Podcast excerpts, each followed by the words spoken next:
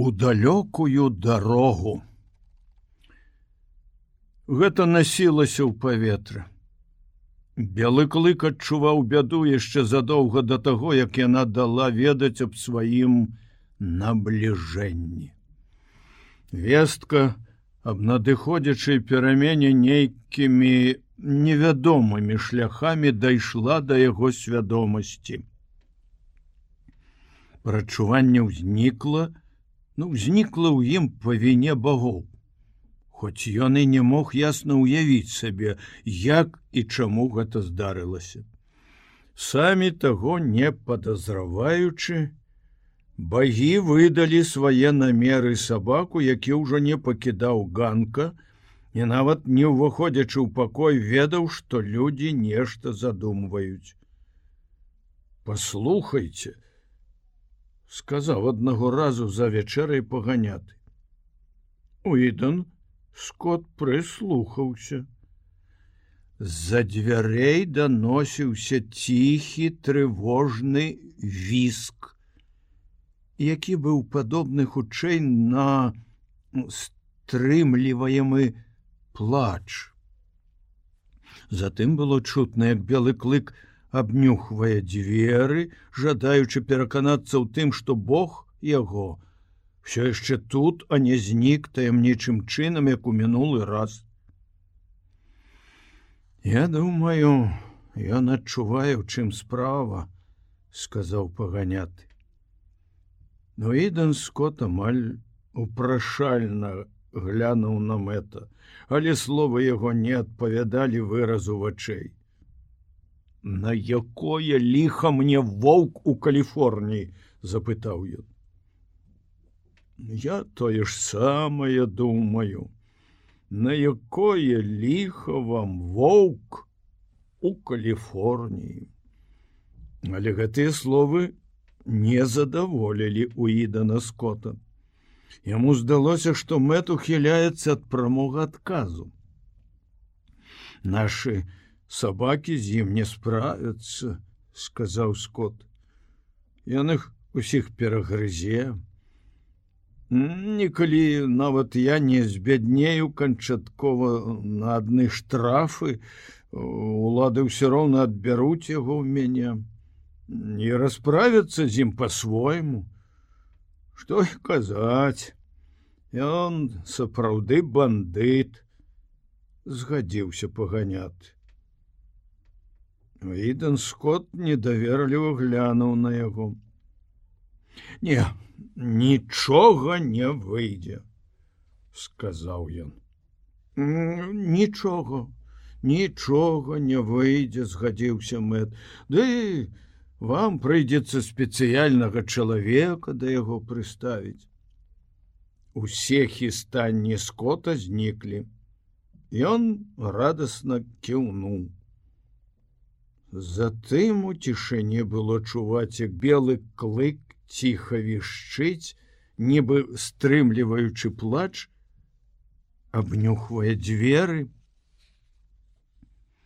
На ўсё ж здорава ён да вас прывык, сказаў мэт. Гаспадар раптам ускіпеў, Ды ну вас чорту мэт. Я сам ведаю, што мне трэба рабіць. Я не спрачаюся, толькі што, што толькі ну, ну, ну, ну, толькі чаго вы так гарачыцеся. Гледзячы на вас можна падумаць, што вы самі не ведаеце, што рабіць. Уідан Скот некаторы час змагаўся з самім сабой. Ай, вы праўду кажаце мэт. Я сам не ведаю, што мне рабіць. У тым вось і вся бяда. Ды не ну было просто вар'яцтвом взять сабаку з сабой. Я з вами цалкам згодны. Якім чынам ён здагадваецца, што вы ад'язджаеце. Во што мяне з панталыку збівае. Я і сам гэта зразумець не магу. Надышоў дзень, калі праз зачыненыя дзверы белы клык убачыў ракавы чамадан, у які гаспадар пакаваў рэчы.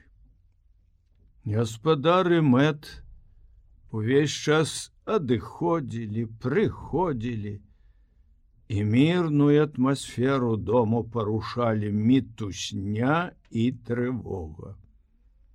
Всякія сумненні былі дарэмныя. Белы клык ужо даўно адчуваў бяду. Цяпер ён зразумеў, зразумеў, у чым справа. Яго Бог знох зноў рыхтаваўся да ўцёкаў. Ужо калі ён не ўзяў з сабой белага клыка ў першы раз, то напэўна не возьме і цяпер. Этой ноччу белы клык пачаў працягла па-воўчаму выць. Ён выўзняўшы морду да абыякавых зорак, і выказваў ім сваё гора таксама як у дзяцінстве калі прыбегшы з лясной глушы не знайшоў пасёлка а на тым месцы дзе стаяў раней вігвам шэрага бобра убачыў толькі кучу смецця. У доме людзі толькі што леглі спаць ён зноў перастаў есці сказаў са свайго ложка мэт.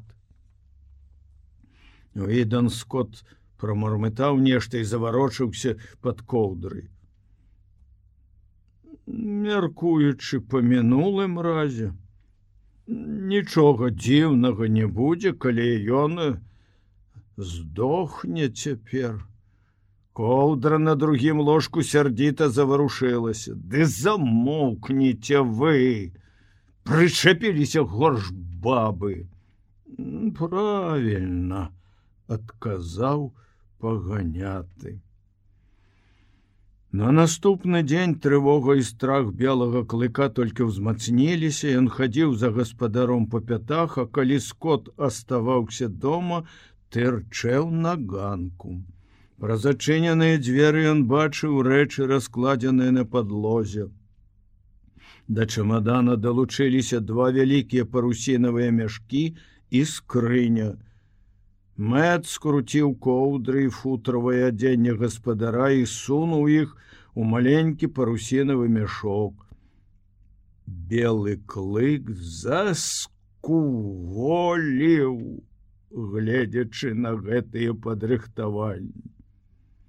Праз некаторы час з'явіліся два індзейцы, белы клык уважліва сачыў, як яны ўзвалілі чамадан на плечы і спусціліся з узгорку вслед за мэтам, які ўзяў пасцель, Але белы клык не пабег з імі. Гаспадар усё яшчэ заставаўся ў доме, неўзабаве отвярнуўся, гаспадар выйшаў на ганак і паклікаў да сябе белага клыка. Эх ты не барака! Ён пачэсваў яму за вухам і гладзіў па спіне. Ад'язджаю, старына, цябе ў такую далечыню з сабой не возьмеш. Ну, ну пабурчы на развітанне, ну, пабурчы, як належыць. Але белы клык адмаўляўся бурчаць. Замест гэтага ён паглядзеў на гаспадара сумнымі дапытлівымі вачыма і схаваў галаву паміж яго рукой і бокам. Гудок! крыкнуў мэт. З юкона даляцела прарэзлівае выццё параходнай сірэны.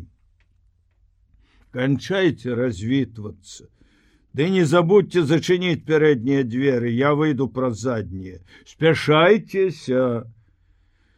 Абедзве дзверы зачыніліся адначасова. І Уідан Скотт пачакаў на ганку, пакуль мэт выйдзе з-за вугла дома.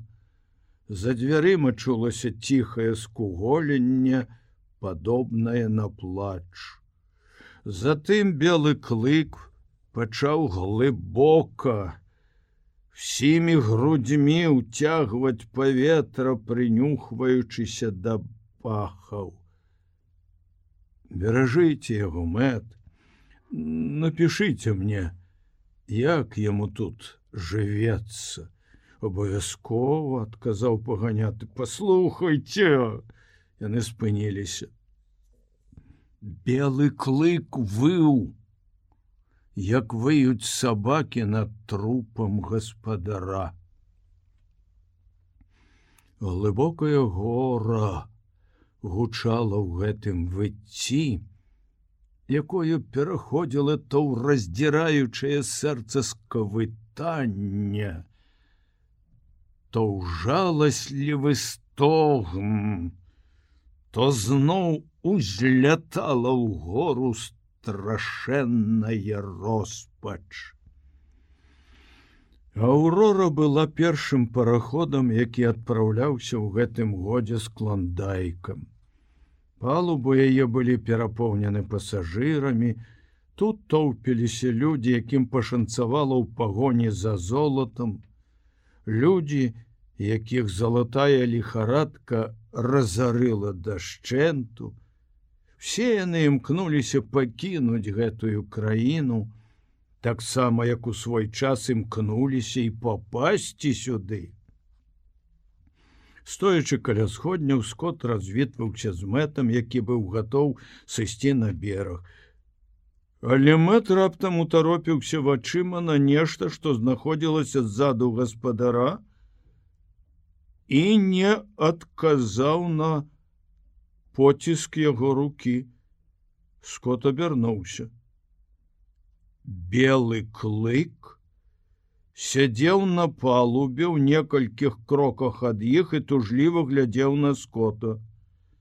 Здзіўлены мэт прамармытаў нейкі праклён, скот глядзеў на сабаку ў поўным невразуменні, вы замкнули пярэднія дзверы, скот кіўнуў, а заднія, вядома, замкну, адказаў мэт.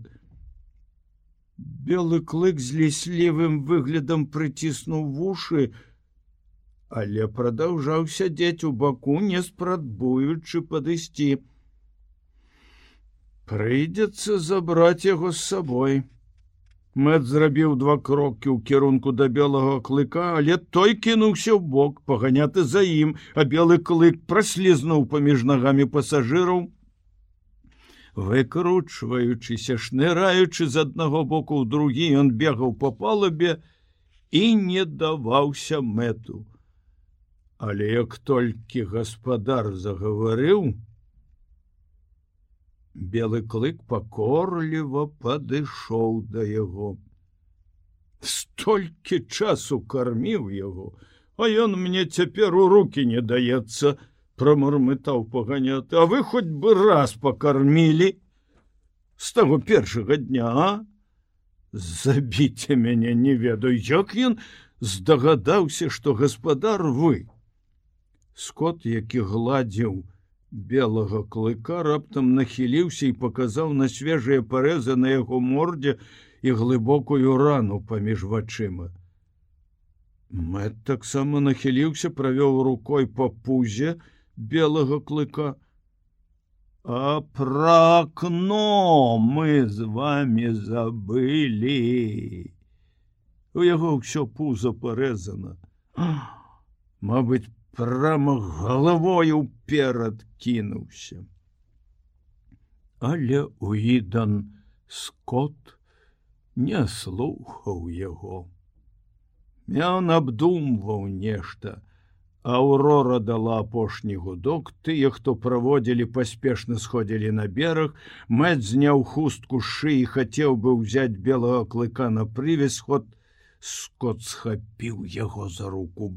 Бывайте мы дружышча вам мабыць не прыйдзецца пісаць пра ваўка я хочу что неўжо вы? Вось именно возьмите сваю хустку я сам напишу вам пра ваўка Мэт затрымаўся на сходнях Ён не перанясе клімату. Вам прыйдзецца стрыгчы яго ў гарачыню. Сходні ўцягнулі на палубу, Аўрора адчаліла ад берага, Уідан Скотт памахаў на развітанне рукой. Затым ён павярнуўся да белага клыка, які стаяў побач. Ну, цяпер рыкай, негоднік. Рыкай! Ён гладзіў белага клыка, пачухваў прыціснутыя да галавы вушы.